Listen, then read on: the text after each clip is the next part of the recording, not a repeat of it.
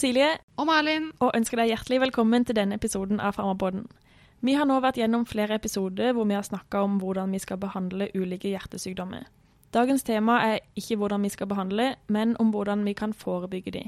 Som du har sett fra tittelen, så handler denne episoden om forebyggende eller preventiv kardiologi. Den som skal gi oss en oversikt over preventiv kardiologi, er den samme som har gitt oss full oversikt over behandling av hjertelidelse, nemlig Magnus Arntzen. Velkommen tilbake. Tusen takk. Først, hva er preventiv kardiologi? Jo, eh, det er som du var eh, inne på. Det er jo egentlig å, eh, ikke behandle hjertesykdom, men å faktisk forebygge hjertesykdom, da. Preventiv kardiologi. Og da kan man godt si at eh, sånn eh, prinsipielt så kan vi dele det inn i to ulike eh, typer, eller måter å jobbe på. Det er det som vi kaller primærprevensjon, eller primærprofylakse. Eller sekundærprevensjon, eller sekundærprofylakse, da. Og hva er dette for noe? Jo, primærprevensjon, det er at vi prøver å forebygge sykdom fra å oppstå første gang, da. Og typisk eksempel da, det er at du har en risikofaktorer. Altså du er i risikogruppen, du har høyt blodtrykk f.eks. Og så er primærprevensjon å da forebygge at eh, den risikopasienten får eh, hjerte-kar, sykdom, faktisk sykdom, og endepunkter som infarkter og andre ting, da. Og det er litt sånn eh, nesten det samme, men ikke helt det samme som sekundærprofylakse eller prevensjon, som er å hindre at en person som allerede har fått sykdom, får nye anfall eller komplikasjoner, da. Og la oss ta infarkt som eksempel. Altså, har du hatt et eh, hjerteinfarkt, så er sekundærprofylakse utrolig viktig. Og det vil si at man da ikke får eller at vi prøver å forebygge et nytt hjerteinfarkt eller hjertesvikt, da, f.eks., som er en vanlig komplikasjon. da.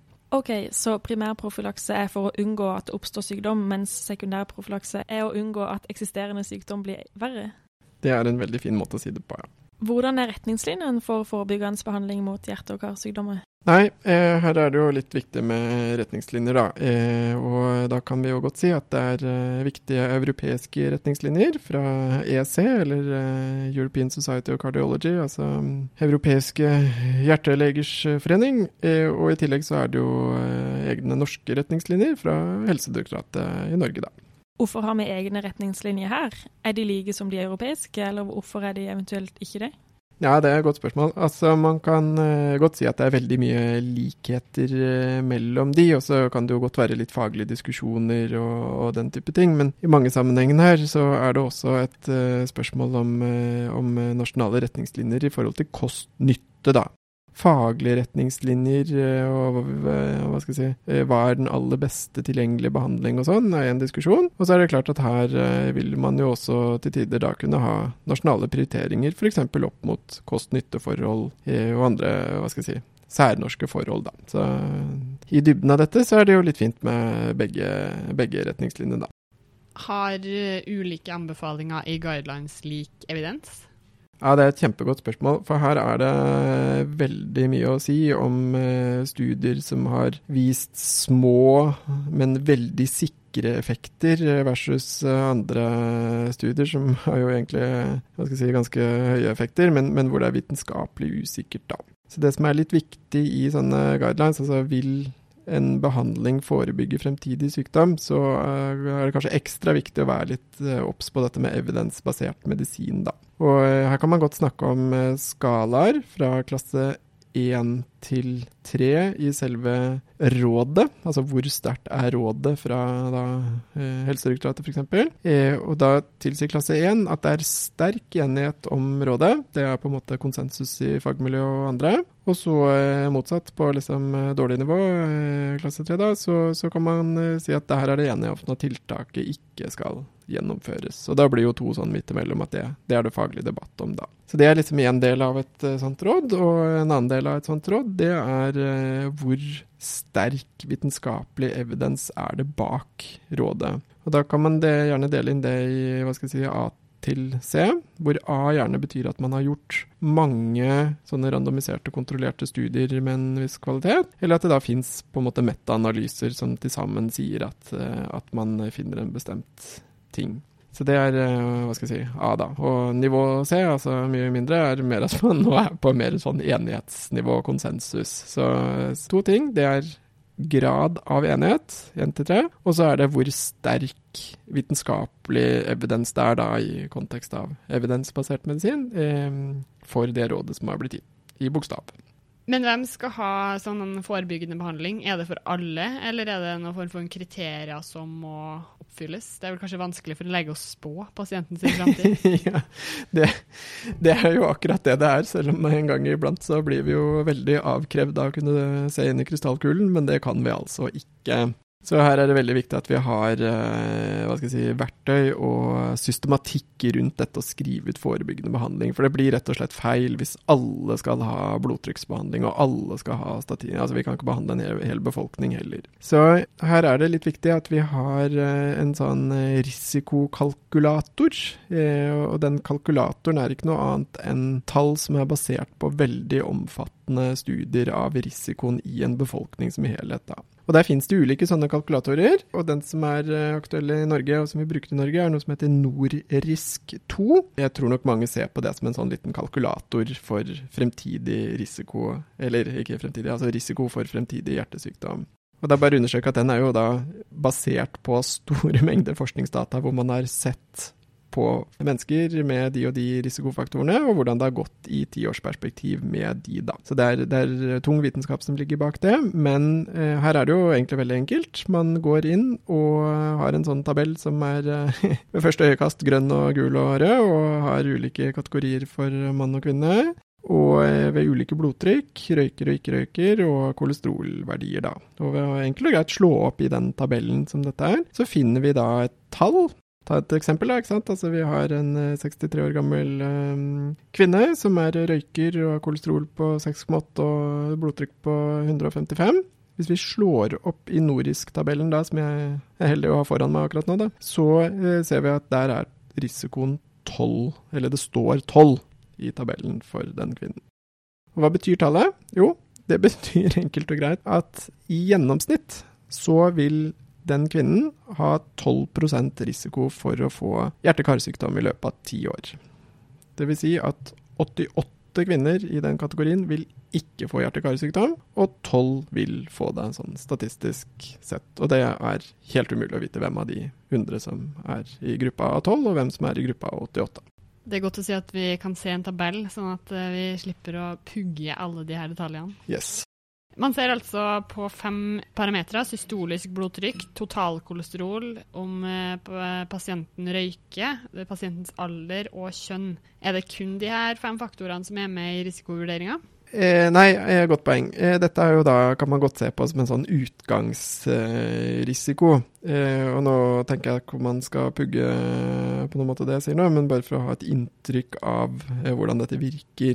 Og La oss nå si at denne kvinnen som vi brukte som eksempel, vi fikk 12% i eh, eksempelet for henne. Og Da finnes det en tabell med hvordan man skal gange opp den risikoen hvis det er spesielle forhold hos denne kvinnen. Og hva er det som liksom er spesielle forhold å uh, legge merke til? Jo, det er f.eks. hvis man har veldig høy forekomst av hjerteinfarkt uh, i familien, og da i ung alder, før 60 år, da, gjerne, hos en eller flere førstegradsslektninger. Og da ganger man opp Altså bare sånn algoritmisk så ganger man opp den risikoen med 1,3 hvis det er én førstegradsslektning som har hatt hjerteinfarkt, og man ganger det opp med 1,7 hvis det er to eller flere da førstegradsslektninger. Så hvis det på en måte er spesielle forhold som pasienten har, i tillegg til uh, de risikofaktorene vi har sett, så finnes det en tabell altså hvor man skal se på det. Og da vil jo jeg si at de viktigste tingene å ta med som hva skal jeg si, kan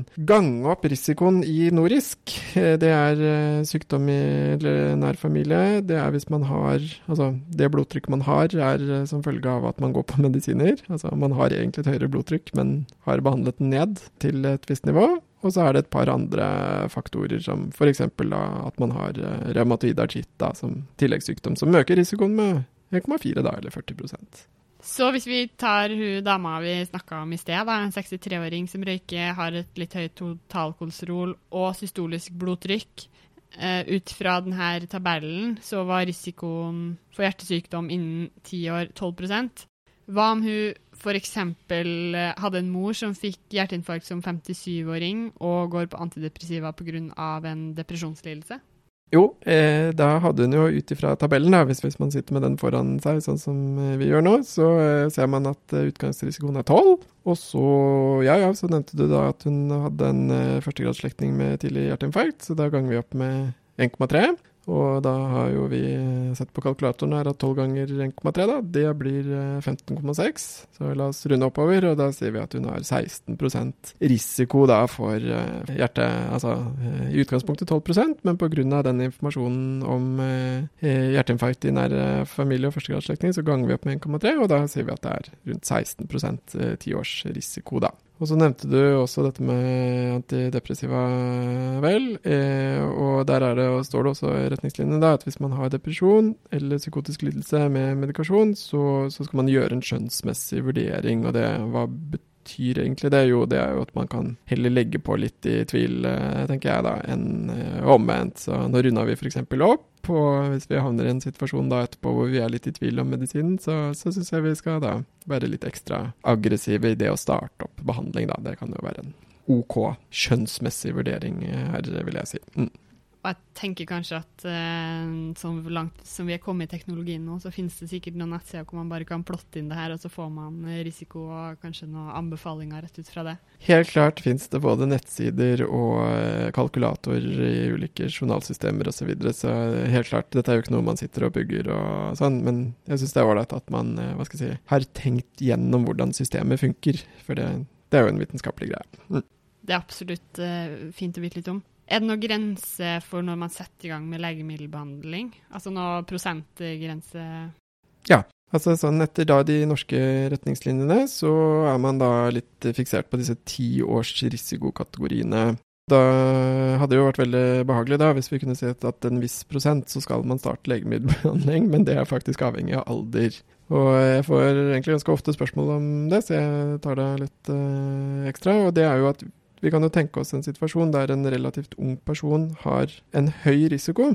Så har man jo veldig høy risiko i løpet av livet, så man er altså mer eh, hva skal jeg si, aggressiv på en lav risiko hos en ung person enn hos en eldre person, rett og slett fordi at livstidsrisikoen da blir så stor, da.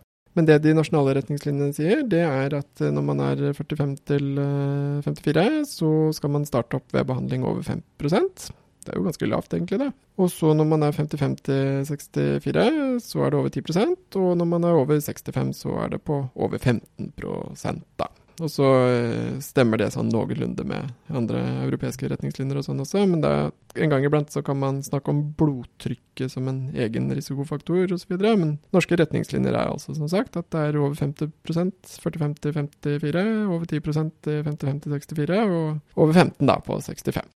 Er de helt bastant og satt, eller uh, gjør man også noen vurderinger eller unntak fra ja, denne regelen? Veldig fint. Uh, dette er jo ikke matematikk, det er medisin, og man må alltid gjøre en individuell uh, vurdering. Det, så, så, helt åpenbart. Så dette er jo retningslinjer som er generelle, og som kan jo Altså gode råd, og det er gode grunner til at de er sånn, men det er selvfølgelig også sånn at man må vurdere dette individuelt, da. Så det må man rett og slett se litt på. Og så er det jo også sånn at det er um, unntak, hvis jeg kan uh, si bitte litt om det. Og det er jo ikke sant, Nå la vi merke til at det var noen bestemte aldersgrupper her. Og så er det jo, for å si sånn, veldig individuelt når man blir veldig ung, som i kardiologi er under 45, eller når man er over 75 som, som gammel. Da. da er det litt andre eh, vurderinger som gjøres. Og så er det som jeg tror kanskje er eh, først og fremst en eh, viktig ting å få med seg da, det er at de som har arvelige hyperkolesterolemier. Altså det er ofte medfødte defekter i LDL-reseptoren og sånn, som øker kolesterolet liksom, til veldig høye nivåer. Familiær hyperkolesterolemi. Så skal man vurdere eh, denne risikoen på andre måter. Så først og fremst man er obs på pasienter med arvelige hyperkolesterolemier. Da blir det andre regler, og de er en gruppe som er i veldig høy risiko for hjertesykdom, så, så vær spesielt obs på de, og at det er andre retningslinjer for de. Det syns jeg er eh, greit å få med seg. Hva med særlig unge pasienter og veldig gamle? Gjør man noe spesielt med de?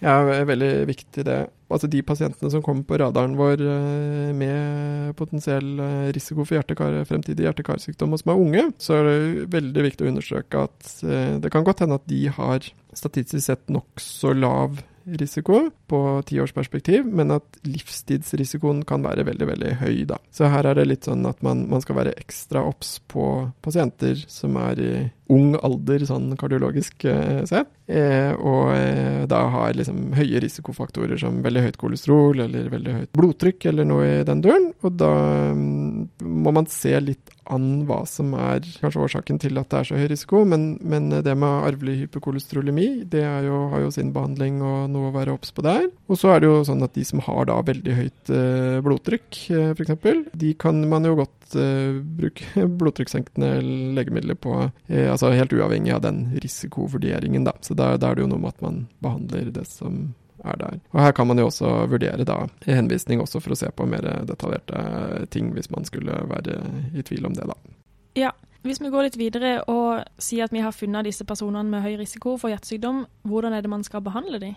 Ja, veldig fint. Da kan vi godt prinsipielt uh, si at uh, den første behandlingen man skal sette i gang, og det gjelder nesten sånn uh, uansett, det er livsstilstiltak. Og her er det mye å si om livsstil og sånn, men, men at man er nå flink som uh, doktor og snakker om livsstilstiltak som bedrer uh, fremtid, risiko for fremtidig hjertesykdom, kjempeviktig. Og så er det del to, og det er jo at man kan senke risikoen ved hjelp av legemidler, altså medikamentell behandling, da. Hvilke livsstilstiltak anbefaler man?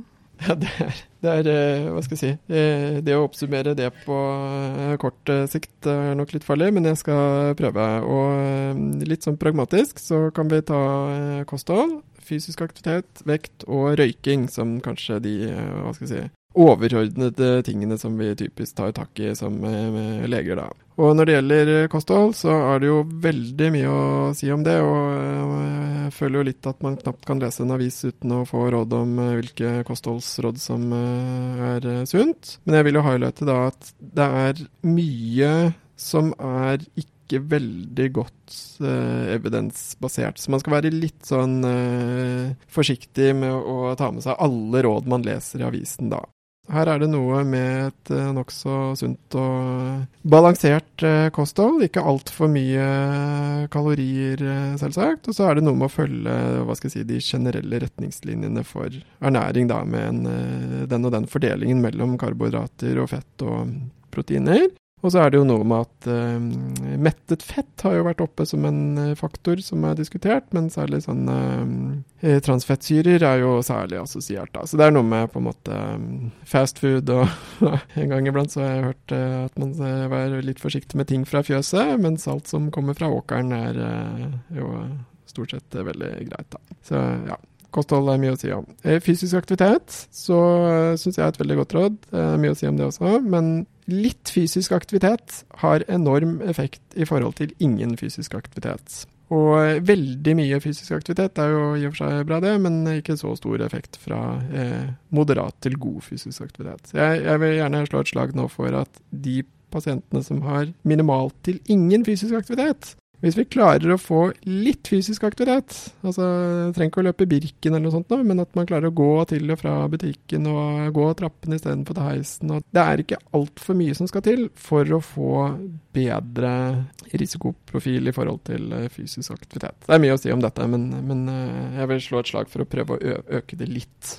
Vekt er eh, Det er mye å si om vekt også, i og for seg, men høy vekt gir jo en rekke rekke metabolske forandringer av type diabetes type 2, endringer i kolesterol, høyt blodtrykk i seg selv er assosiert med vekt osv., så, videre, så er generelt veldig mange gunstige effekter sånn kardiologisk sett av å gå ned i vekt hvis man er overvektig. Man skal ikke bli hva skal si, for streng i det der, men er man overvektig som i overvektig medisinsk sett, så, så er det veldig mange gunstige effekter ved å gå ned i vekt. Vektbehandling er viktig. Og så er det jo i og for seg det aller viktigste risikomessig statistisk sett da, eh, som kommer nå, og det er røyking. Røykeslutt, hvis man får til det, det er den viktigste risikofaktoren. Nå er det utrolig vanskelig å slutte å røyke, og veldig mange vil gjerne slutte å røyke, men får det ikke til sånn statistisk sett. Der er det også fint å få senket røykeforbruket, ideelt sett eh, stoppe det. Og det er vanskelig, og der er det noe med at eh, som leger, og kanskje særlig fastleger, så er det veldig viktig å kunne ha hva skal jeg si, en god dialog om det, og være støttende og hjelpe til der hvor det er ønske om røykeslutt. For klarer man det, så har det veldig god prognostisk effekt, men det er fryktelig vanskelig, og eh, statistisk sett så er det veldig mange som feiler med røykeslutt. Det må man bare være klar over. Ok, Så før eller i tillegg til medikamentell behandling, så kan man anbefale å spise sunnere, slutte å røyke, gå ned i vekt hvis man har høy BMI, unngå forhøya HBNC eller blodsukker over tid, og å være fysisk aktiv. Hvordan fungerer legemiddelbehandlinga? Jo, da tror jeg vi eh, kan eh, egentlig snakke om tre ulike legemiddelgrupper når vi snakker om nå vel å merke forebyggende kardiologi. Da. Og da er de typiske legemidlene som eh, vi bør snakke om her nå, det er legemidler som virker kolesterolsenkende. Og da er mange av de, men særlig én type, statiner, som er viktig. Og så er det ulike legemidler som virker på særlig blodplatene, da, for å forebygge tromboser og, og iskjemi og den type ting og eh, flere alternativer der. Og så er det blodtrykksbehandling, altså blodtrykkssenkende legemidler, da, som eh, er de tre viktigste legemiddelmålene. Her, siden vi nå snakker om eh, preventiv kardiologi, så tror jeg jeg egentlig vil begynne med å si at det er utrolig viktig at disse legemidlene har dokumentert i effekt i å motvirke det man ønsker å motvirke. Og litt sånn, eh, for å bli litt teoretisk, men eh, veldig pragmatisk også, så kan man godt skille nå mellom harde endepunkter og myke endepunkter. Og hva mener vi egentlig med det? Jo, det er veldig fint hvis en forebyggende medisin, la oss nå si et eller annet blodtrykkssenkende legemiddel som vi kommer til, da er det veldig veldig fint at de har dokumentert effekt, ikke bare på myke endepunkter som med at de senker blodtrykket i seg selv, men også at de faktisk har vist de forebygger de sykdommene vi vil forebygge, i langtidsstudier. Uh, og jeg skal ikke gå gjennom alle sammen, uh, heldigvis, men det fins eksempler på legemidler som har vist effekt på mykt endepunkt, men har hatt omvendt effekt på hardt endepunkt. Så man skal være litt stringent, er ordet jeg prøver å finne, på det at man skal forebygge harde endepunkter. Nå er det riktignok sånn at det ikke alltid er mulig og sånn, men ideelt sett så skal vi ha effekt på harde endepunkter. Så det er én del. En annen del er at uh, dette koster fryktelig mye, og kostnadsmessig økonomisk. Og så ikke minst så er det alltid en risiko for bivirkninger av legemiddelbehandling. Så det som er veldig viktig å gjøre her nå, og det er jo litt av meningen med å ha guidelines som er eh, så gjennomarbeidet som de er, det er at man gjør både risikovurderinger for bivirkningsmuligheter opp mot virkningseffekter, og ikke minst kost-nytte-effekt. Det høres litt brutalt ut, men det er nødvendig i et uh, helhetlig helseøkonomisk perspektiv. Så uh, det er vel kanskje viktige sånne generelle prinsipper om legemiddelbehandling, da. Jeg tenker jo Det høres jo fornuftig ut at man tolererer mindre bivirkninger her enn f.eks. i en kreftbehandling, hvor eh, det på en måte står om eh, liv og død. Enn her så ikke nødvendigvis like alvorlig. Helt klart, og gammelt ordtak, eh, det viktige primum non nocere, altså ikke skad pasienten. Og det er helt klart en klar mulighet her for at man plager folk med mer bivirkninger eh, enn eh, behandling ved å forebygge sykdom. Da. Så kjempeviktig perspektiv. Vi begynner øverst med det første du snakka om, kolesterolsenkende legemidler. Hvordan fungerer de? Ja, eh, den korte versjonen da, er at kroppen får jo tilført eh, kolesterol bitte lite grann via maten, men det aller meste av det vi har i blodet, det kommer fra produksjon i leveren selv, da. Og da er det jo i og for seg en komplisert sånn eh, syntesevei for kolesterol, men det som er veldig greit, er at det er særlig ett enzym da, som er hastighetsregulerende i kroppens syntese av kolesterol. og Det er det berømte HMG-KA-reduktase, som eh, hva skal jeg si, styrer hvor mye kolesterol kroppen selv lager. Da. Over 90% av det vi har i blodet, er fra produksjon i leveren. Og da virker jo statiner eh, genialt nok på akkurat det enzymet, og hemmer det. Så enkelt og greit da, så hemmer vi eh, kolesterolsyntesen i leveren, og dermed den viktigste kilden til kolesterol i blodet.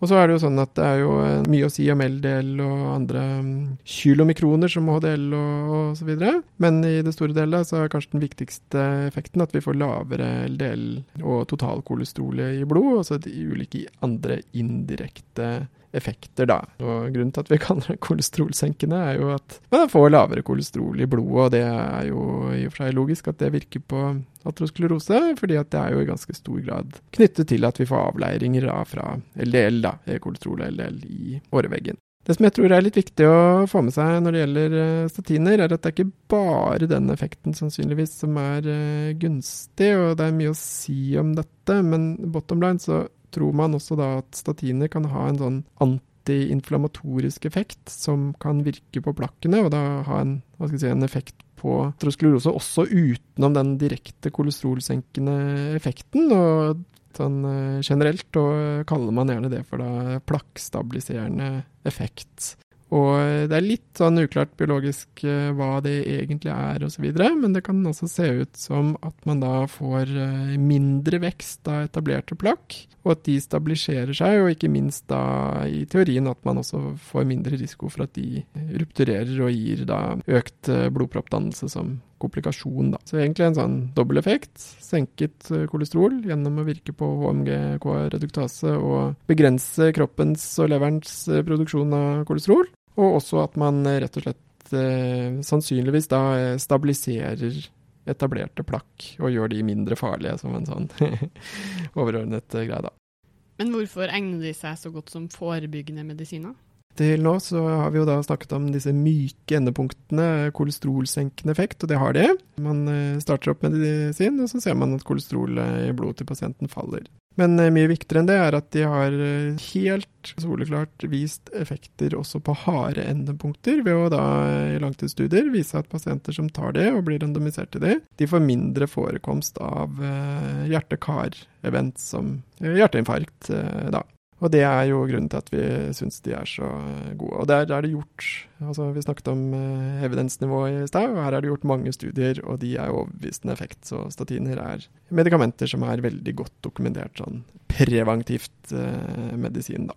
Hvilke bivirkninger har man ved bruk av statiner, og hvor mange som får det? Er det vanlig å få bivirkninger av de? Nettopp. Det er eh, relativt vanlig å få bivirkninger av statiner. Eh, de typiske da er muskelsmerter. Altså litt sånn verk og ubehag og sånn i musklene, og man sier gjerne at 5-10 får ganske solide eh, sånn. Det som er litt viktig, da, det er at det fins jo alvorlige former, det som heter rabdomyolyse. Eh, nå er heldigvis det veldig sjeldent. Det er så mange som har fått det med seg, så vi må kommentere det. Men det er faktisk veldig sjeldent. Men det som er langt, langt vanligere, og som vi skal ta på alvor og spørre folk om, og som vi kommer til å oppleve at uh, pasientene våre får, hvis vi bare har, har noen hjertepasienter, det er dette med muskelsmerter, da, som kan være litt ubehagelig, rett og slett. Og så er det også en greie at statiner kan virke inn på leveren. Og det er da en god greie å ta leverprøver en gang iblant på, hos pasienter som tar statiner. Og så er det greit å vite at de økningene som kan komme i leverenzymene i blod, de er som regel reversible, da, heldigvis, hos uh, pasienter. Mm. Har vi noen andre kolesterolsenkende medikamenter enn statina som vi kan bruke? Det har vi, og det er nesten en liten eh, vitenskap i seg selv. Vi kunne snakket om uh, hva gjør vi hvis man ikke får nok kolesterolsenkende effekt av, uh, av et uh, statin. Ofte da så kan man øke dosen, eller man kan bytte til Det finnes mange ulike grupper av de, og man kan øke til noen som er mer potente osv.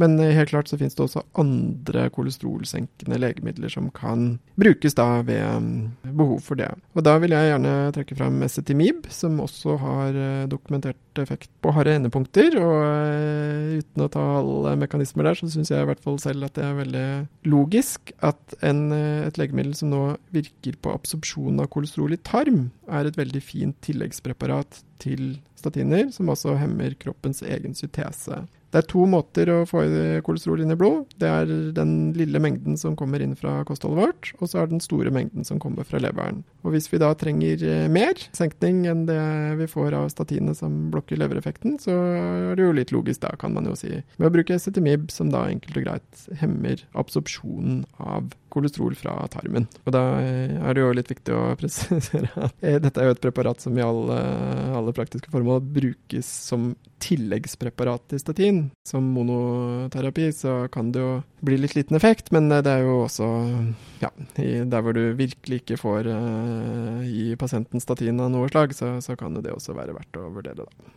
I tillegg så finnes det en rekke andre preparater som vi ikke sier noe mer om her, men eh, man har jo hørt om omega-3-fettsyrer og eh, PPR-agonister, da, nikotinsyre, P... Det er nesten ikke klart å si det riktig engang. PCSK9-inhibitorer og sånne ZB-inhibitorer, da. Men eh, jeg, jeg syns man skal merke seg statin, for det er så mye brukt, og Cetimib som et mulig alternativ, da. Ja, vi går over til blodplatehemmeren, der vi bl.a. har ASA og ADP-reseptorblokkere. Hva kan du si om disse for å forebygge hjertesykdom? En god eh, reklame i uh, USA på et eller annet tidspunkt var en 'aspirin a day keeps the doctor away'. ja, den er ikke så dum, fordi at ASA har altså tilsatt sylsyre. Det blokkerer jo disse syklooksygenasene, koksene, i blodplater. Og da, hvis man tar de sånn og passelig lav dose, så virker jo det kun i altså enterohepatisk da, i, i. Så da får vi en veldig sånn selektiv virkning på blodplater resultatene av ASA. Det er veldig bra. Det, da motvirker man trombosedannelse. Og der er det Dette er uh, billige medisiner med relativt lite bivirkninger og har klar dokumentert effekt på harde endepunkter og er en veldig god medisin, rett og slett, da, som forebyggende behandling. Og I tillegg så har man jo da fått langt nyere medisin, altså ADP-reseptorblokkere, som i og for seg har mye av de samme effektene i teorien, men virker da på et annet steg i um, den signalkaskaden som aktiverer blodplater, og kan være et alternativ da, i ulike situasjoner. da. Ja, hvordan skal vi bruke disse medikamentene som forebyggende behandling? Ja, nettopp. Da syns jeg vi skal skille veldig klart mellom primærforebygging og sekundærforebygging. Og når vi er på primærforebygging, så blir det alltid et spørsmål om eh, hva skal jeg si, eh, risiko for bivirkninger, altså økt blødning, eh, versus det å kunne forebygge sykdom. Da. Så det må man liksom ha på sin prioriteringshjerne, og så se om det er verdt risikoen den behandlingen man gir, da. Og da eh, har jo eh, man ofte snakket om at acetylsalicylsyre gir eh, primærforebyggende effekt på rundt 10% Men det har også vært sagt at man ikke bør bruke det for rutinemessig pga. Blødningsrisikoen, da. Så, så, bottom line er egentlig da å se på si, forventet effekt opp mot den forventede blødningsrisikoen, da. Litt vanskelig, med andre ord. Eh, og ofte så brukes det nok eh, for sikkerhets skyld, det må nok være lov å si hvis man er i tvil.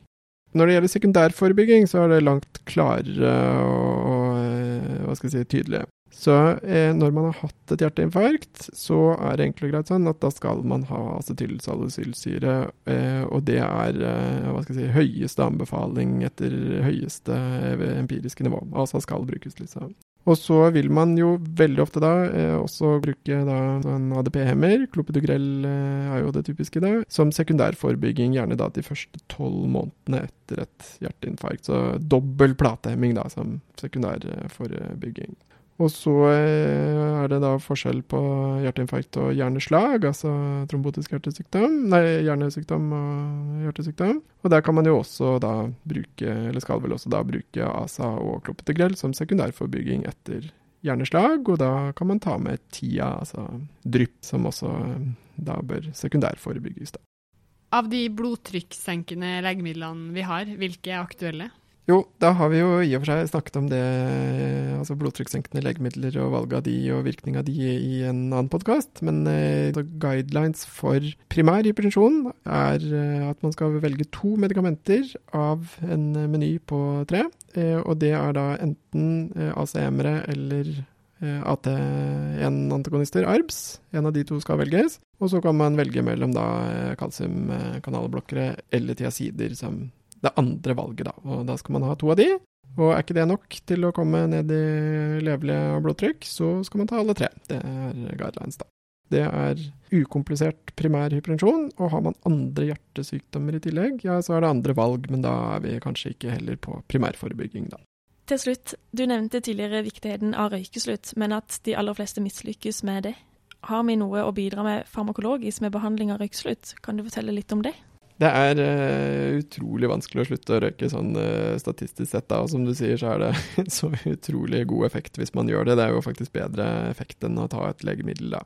Man har egentlig to måter å hjelpe til med røykeslutt på. Det er uh, det å ha sånne røykesluttsprogram, og da er faktisk noen av de er evidensbasert til og med. At hvis man følger opp en røyker som ønsker å slutte, eh, og gjør det på en viss måte osv., så, videre, så kan det øke sannsynligheten for at den røykeslutten funker. Men da viktige ting er at eh, pasienten selv er motivert for det osv. Og, så og der eh, er det noe med å ha god dialog og, og så videre, og på en måte være en støttende lege, da. Så uten å gå gjennom det i detalj, så, så er liksom støtte en viktig ting, da. Ikke nødvendigvis så mye moralisering videre. Og det andre er at det fins jo legemidler som i teorien og i praksis da kan ha noe effekt. Og det litt uh, åpenbare er kanskje nikotinerstatning uh, som en mulighet. Og så er det også enkelte andre legemidler, uh, bl.a. et antidepressiva, som har hatt noe dokumentert effekt, men den effekten er ikke stor, altså. Så det er vel lov å si at røykesluttsmedikamenter har eh, Altså, det har vært fantastisk ved det hadde funket. Eh, og så er det dessverre sånn at effekten, selv om de har vært positive i noen studier, er ganske skuffende greier. Så jeg vil eh, slå et slag for god, støttende legekommunikasjon. Og det fins strukturerte programmer som man kan jobbe med, mer eller mindre, hvis man ønsker det. Og så er jo nikotinerstatning da en, en mulighet, da. Det fins også andre legemidler, men effekten har vært skuffende, det må være lov å si. Ja, det hadde jo vært noe hvis man hadde hatt et medikament for å slutte å røyke.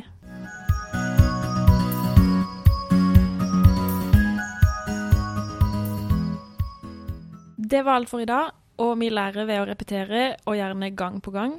Hvordan vil du gjenta eller summere opp hovedtrekkene rundt forebyggende kardiologi, Malin? Det finnes to typer forebyggende kardiologi primærprofylakse for å unngå sykdom og sekundærprofylakse for å unngå at eksisterende sykdom blir verre. Risiko for hjerte- og karsykdom beregnes her i Norge ved hjelp av Norisk2 sin tabell, som gir sannsynlighet for hjerte-karsykdom i løpet av de neste ti årene. Når man skal starte behandling, avhenger av alder og hvilken risikoscore man får. For de på 45 til 54 år bør legemiddelbehandling vurderes ved en risikoscore over 5% Dette er en ganske lav score, men man er strengere hos de yngre. Fordi selv om tiårsrisikoen kanskje er lav, så vil livstidsrisikoen likevel være høy. For de som er 55 64 år, så starter man behandling ved en risikoscore over 10% Og for de som er over 65, så starter man behandling ved risikoscore over 15 ved familiær hyperkolesterolemi er man også strengere på når man starter behandling. Vi har primært to behandlingsvalg. Det første er livsstilstiltak. Det kan man enten starte sammen med legemidler, eller før man starter medikamentell behandling. Man kan altså anbefale å spise sunnere, slutte å røyke, gå ned i vekt hvis man har høy BMI, og være fysisk aktiv. Nummer to så har vi medikamentell behandling, og det består i hovedsak av tre grupper legemidler som man bruker her. Kolesterolsenkende behandling, platehemmere, blodtrykkssenkende legemidler. Og så har man i tillegg legemidler som kan hjelpe til med røykeslutt. Vi får si at det er en bra oppsummering. Tusen takk igjen til deg, Magnus, for at du ville komme til oss og snakke om hvordan man forebygger alle disse sykdommene som du har vært innom og lært oss om hvordan vi skal behandle tidligere. Dersom du som hører på har spørsmål til Magnus eller oss, eller har noen tilbakemeldinger, så er det bare å sende en mail til farmapodden alfakrøllgmail.com. Vi finnes også på Facebook og Instagram. Tusen takk for at du lytta. Ha det!